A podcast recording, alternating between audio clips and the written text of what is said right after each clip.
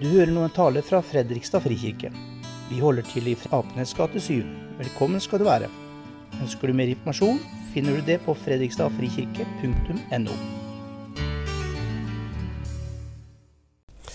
Vi har uh, blitt minna på døden i dag. Det er to stykker som vi hadde noen minneord om, som hadde gått bort. Uh, og sånn er livet. Midt i livet som vi lever, så rammer også døden. Vi er på en vei. Vi har starta en livsvei, alle sammen. Og en gang så er den livsveien slutt.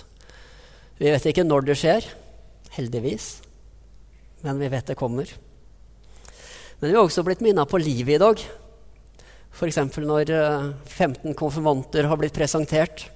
15 ungdommer som står eh, på starten av en eh, spennende og turbulent tid, hvor det skjer masse, hvor livet selv lever. År fylt av liv. Og det fikk meg til å tenke på at den første begravelsen jeg hadde og Jeg tror kanskje alle vil huske sin første begravelse hvis man er en prest. Fordi at det er en litt sånn skummel ting å begi seg ut på. Men den første som jeg eh, hadde en begravelse for, det var en jente, eller etter hvert en dame, ikke altfor gammel, som jeg selv hadde gått til konfirmasjonsundervisning sammen med. Som jeg hadde kjent helt siden hun var eh, ung. Eh, Unni. Og noen ganger så er det sånn at døden rammer så altfor tidlig. Den kommer før den skal. Og hva gjør man da? Og vi har en tekst i dag fra Bibelen som handler om Jesus som møter en situasjon der det er en som har dødd altfor tidlig. Dette står i Lukasevangeliet kapittel 7. Kort tid etter ga Jesus seg på vei til en by som heter Nain. Disiplene og en stor folkemengde dro sammen med ham. Da han nærmet seg byporten, ble en død båret ut til graven. Han var sin mors eneste sønn, og hun var enke. Sammen med henne kom et stort følge fra byen. Da Herren fikk se enken, fikk han inderlig medfølelse med henne og sa, 'Gråt ikke.' Så gikk han bort og la hånden på båren, og de som bar den, stanset, og han sa, 'Du unge mann, jeg sier deg, stå opp.' Og da satte den døde seg opp og begynte å tale, og Jesus ga ham til moren. Alle ble grepet av ærefrykt, og de lovpriste Gud. En stor profet er oppreist blant oss, sa de. Gud har gjestet sitt folk. Og dette ordet om ham spredte seg eh, i Judea og hele området.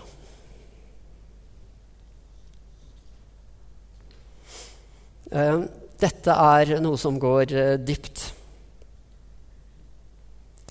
Og jeg tror vi alle har hatt våre erfaringer når eh, folk vi kjenner, folk, våre venner, eller vår, folk i familien vår dør.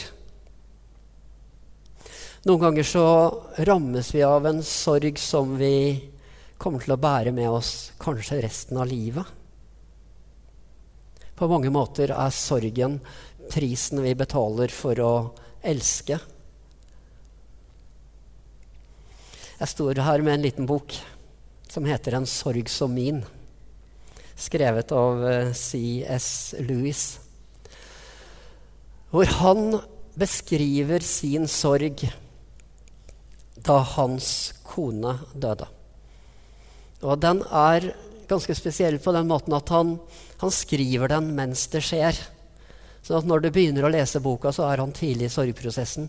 Og så skriver han seg gjennom den. Men situasjonen var også spesiell. For C.S. Lewis han var en verdenskjent uh, forfatter. Ikke minst. Uh, noen, uh, for de fleste er han mest kjent for Narnia-bøkene, men han skrev mye annet òg.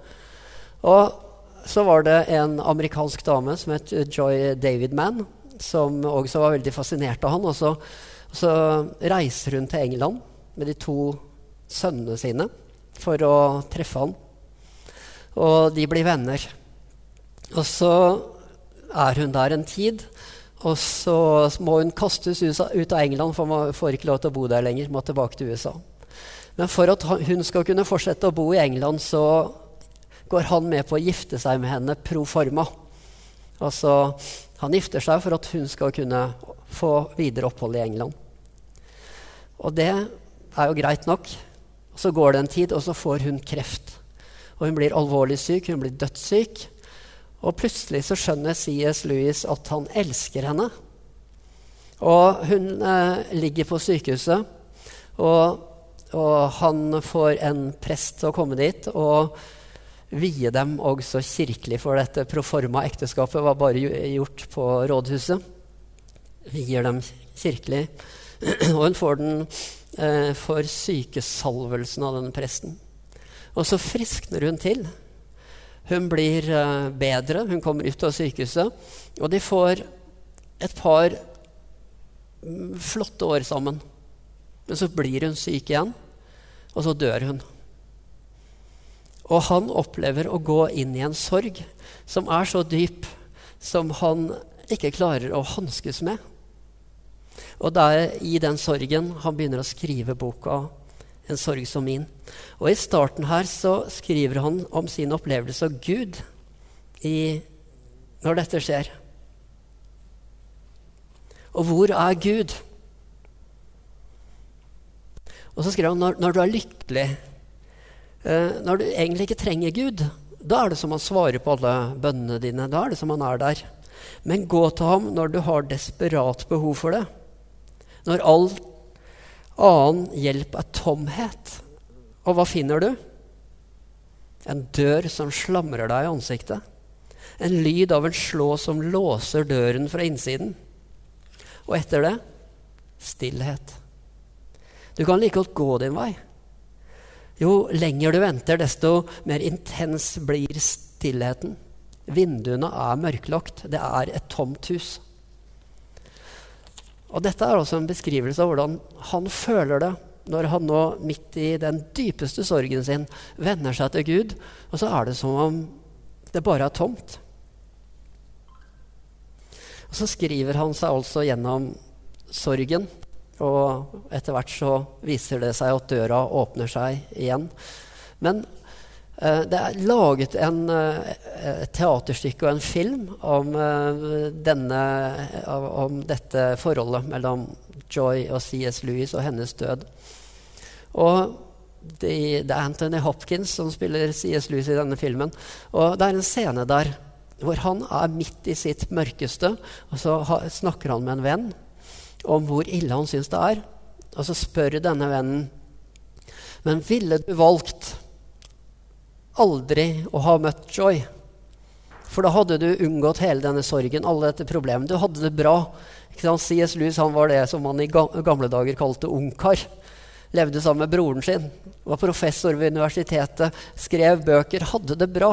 Før hun på en måte brøt inn i livet. Og, eh, altså, Ville du valgt, da? Aldri har møtt henne. Du har sluppet dette. Og han sier nei. Det er verdt det. Eh, sorgen er verdt kjærligheten. Og sorgen vil aldri kunne overskygge kjærligheten fordi den er kjærlighetens skygge.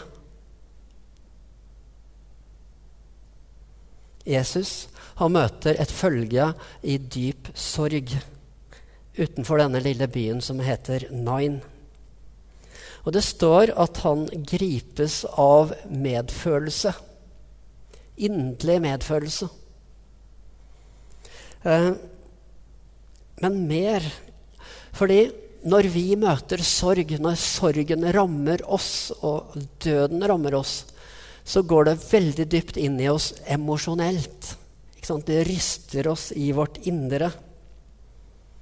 Men i denne situasjonen hvor Jesus står overfor dette gravfølget, så er det også noe mer.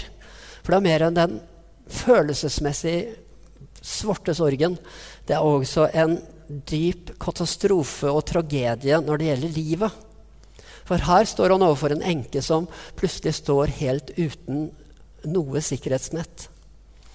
Som først har vært avhengig av sin mann, og nå har sønnen som måte, sikkerheten for at hun skal kunne forsørges. Nå mister hun alt det, og hun står alene i livet, overgitt til andres almisser. Når Jesus oppreiser denne sønnen og gir han livet tilbake, så er, gir han også enken livet tilbake. Jeg kan tenke meg at vi gjerne skulle hatt Jesu makt over døden. Enten til å avverge at den skjer, eller til å kunne omstøte den når den har skjedd.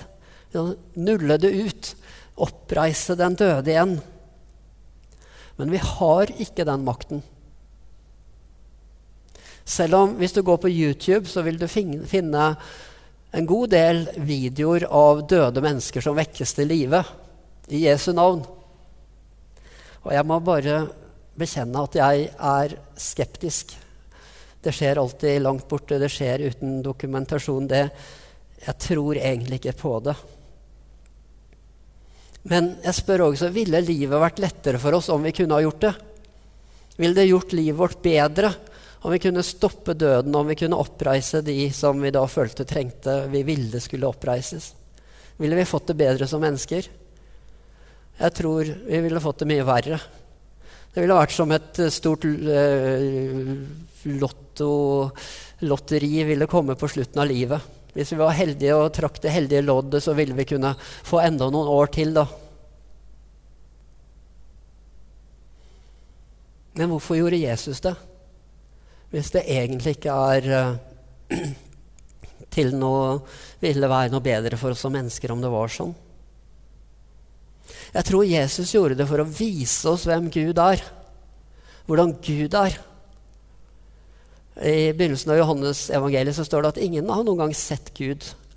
Men den enbårne sønn, som er Gud, og som er i fars favn, han har vist oss hvem han er. Jesus viser oss Guds hjerte. Og Guds hjerte, det er et hjerte som har inderlig medfølelse, lærer vi av Jesus. Gud bryr seg om oss. Ikke en spurv faller til jorden uten at Gud er med, sier Jesus. Han bryr seg om hver eneste skapning. Og når det forferdelige skjer, ja, når det forferdeligste skjer, så betyr det ikke at Gud er borte, eller at Gud ikke bryr seg. Han er med oss også i våre mørkeste netter. Selv om vi vandrer i dødsskyggens dal, er jeg med? Er han med? står det i Salme 23. Selv når jeg ikke ser han, så ser han meg. Selv når vi opplever at døra slås igjen foran oss, så er Gud hos oss. Og Det andre Jesus vil vise, er at, at Gud faktisk har makt over døden. Og det siste ikke er stillheten som C.S. Lewis skrev, men at livet skal seire. At det finnes en oppstandelse. Og den finnes for alle. Ikke bare for de som trekker et heldig lodd, men for alle er oppstandelsen der. Og Bibelen gir noen tegn på den oppstandelsen, denne makten over døden. Som vi hørte historien fra Det gamle testamentet, profeten eh, Elisha, og som oppvekker også en enkes sønn Jesus her. Jesus som oppvekker Lasarus.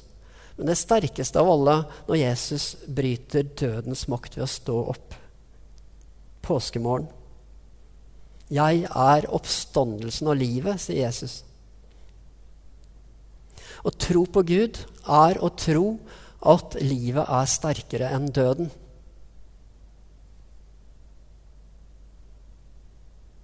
Men én ting til. Om vi ikke kan oppreise døde, om vi ikke kan stoppe døden, så kan vi gjøre det samme som Jesus på en annen måte. Vi kan vise medfølelse. Vi kan gi omsorg. Vi kan gi medmenneskelighet. Vi kan gå sammen med noen. Jeg ser denne sangen vi hørte før talen, handler om Gud på mange måter. Men mye av det kan også handle om oss. Altså Vi ser at du gråter, og vi kan ikke gråte tårene for hverandre, men vi kan gråte med hverandre. Og vi kan ikke ta andres byrder fra dem, men vi kan gå med, vi kan bære med, vi kan være til stede.